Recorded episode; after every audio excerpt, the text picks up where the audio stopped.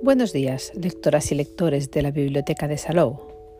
Os encontráis en el espacio Bibliosalou Radio, dos podcasts bibliotecarios que os informan mensualmente de las novedades bibliográficas de la Biblioteca de Salou y que podéis seguir en Anchor y en Spotify y también en nuestras redes sociales. Y empezamos este podcast con la información de las novedades de ficción que la biblioteca sacará en abril, concretamente el lunes 4 de abril y los miércoles es el Día de la Narrativa en Castellano. Y hoy, 29 de marzo, os presentamos las ocho novelas que encontraréis en las novedades de ficción en castellano del mes que viene. Escuchad y tomad nota, que empezamos. Empezamos las novedades del mes con una divertidísima comedia de Fernando Aramburu, con su nueva novela hijos de la fábula, vuelve a demostrarnos que pertenece a la estirpe de los grandes escritores, los que nos cuentan historias como nadie es capaz de hacerlo. En Hijos de la Fábula nos explica las peripecias de dos jóvenes, Asier y Joseba, que se marchan en 2011 al sur de Francia con la intención de convertirse en militantes de ETA. Esperan instrucciones en una granja de pollos, acogidos por una pareja francesa con la que apenas se entienden. Allí se enteran de que la banda ha anunciado el cese de la actividad armada. Abandonados a su, suerte, sin dinero, sin experiencia ni armas, deciden continuar la lucha por su cuenta, fundando una organización propia en la que uno asumirá el papel de jefe y disciplinado ideólogo y el otro el de subalterno más relajado. El contraste entre el afán de gestas y las peripecias más ridículas, bajo una lluvia pertinaz, va llevando la historia hacia una especie de drama cómico hasta que conocen a una joven que les propone un plan. Contada con un humor permanente, cáustica, veloz, escrita con frases cuya brevedad son un auténtico virtuosismo. Seguimos las novedades con una historia sobre el camino que a veces recorren los sueños hasta convertirse en pesadillas. Y es que de esto nos habla Víctor del Árbol en su nueva novela Nadie en esta tierra, Julián Leal es un inspector de la policía en Barcelona que no está pasando por su mejor momento. Le han diagnosticado un cáncer y acaba de ser expedientado por darle una paliza a un sospechoso de abuso de menores. Después de una visita a su pueblo en Galicia, empiezan a aparecer unos cadáveres que pueden tener relación con él, y su superior le quiere cargar con las culpas para vengarse por unos rencores del pasado. Él y su compañera Virginia se verán arrastrados a una investigación mucho más profunda y complicada de lo que podrían pensar y que podría costarles la vida a ellos y a todos los que aman. Y este mes de abril vuelve John Boyne con la secuela magistral de El niño con el pijama de rayas. En todas las piezas rotas, Gretel Fensby es ahora una anciana de 91 años que vive cómodamente en un apartamento en una de las zonas más acomodadas de Londres. Cuando una joven familia se muda al piso de abajo, Gretel no puede evitar entablar amistad con Henry, el hijo pequeño de la pareja.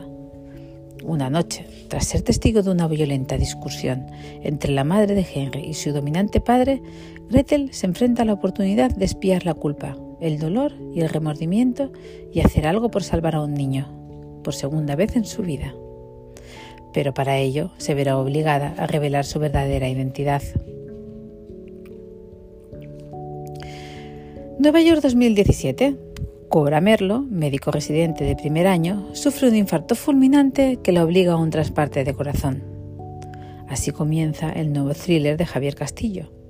Aún convaleciente, la joven recibe la visita de una extraña mujer con una enigmática oferta, pasar unos días en Stillville, un pequeño pueblo de interior, para conocer la vida de su hijo Charles, el donante de su corazón. Cora se adentra así en un hogar lleno de secretos, en un misterio que se extiende durante 20 años y en un pueblo hermético, en el que justo el día de su llegada desaparece un bebé en un parque público. Con más de 1.700.000 ejemplares vendidos, la crítica define el cuco de cristal como magnética, salvaje, monumental y trepidante. La siguiente novedad es el explosivo debut narrativo del periodista Luis García Rey, su primera novela es un thriller policíaco titulado Axel, como su protagonista, el agente de la policía judicial Axel Nash.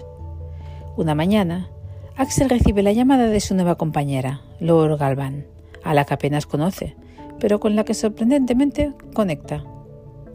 Marcos Goya, presentador radiofónico de un programa nocturno, acaba de aparecer en un hotelucho de citas, asesinado a cuchilladas y con restos aparentes de haber sido torturado. Mientras tanto, en Vigo, Omar Pombo y su amigo Jarvis, que como muchos otros jóvenes de las Rías Baixas han acabado trapicheando para el narcotráfico, acaban de meterse en un lío descomunal. Han perdido un cargamento. Un mundo con personajes demasiado apegados al poder y a los vicios de los grandes empresarios.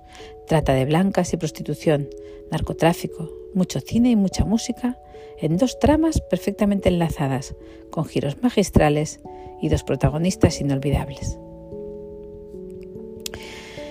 Y seguimos las novedades con la sexta y última entrega de la serie de la Villa de las Telas de Anne Jacobs. En Reencuentro en la Villa de las Telas nos trasladamos a Habsburgo, en 1939, la familia Melzer se enfrenta a tiempos oscuros. La Segunda Guerra Mundial amenaza en el horizonte y va a cambiar las vidas de todos para siempre. La fábrica de telas está al borde de la bancarrota y Paul de nuevo tiene que tomar una duda decisión, esta vez sin su esposa Marie, que desde 1935 vive con su hijo Leo en Nueva York. Los años de ausencia han causado en ella una profunda tristeza aunque su amor por Paul es más fuerte que nunca, y cuando Marie oye hablar de que hay una nueva mujer en la vida de Paul, su mundo se tambalea. ¿Conseguirá recuperar a su amado marido? Y seguimos con otra serie, en este caso la séptima entrega de la serie de Rocco Chabone.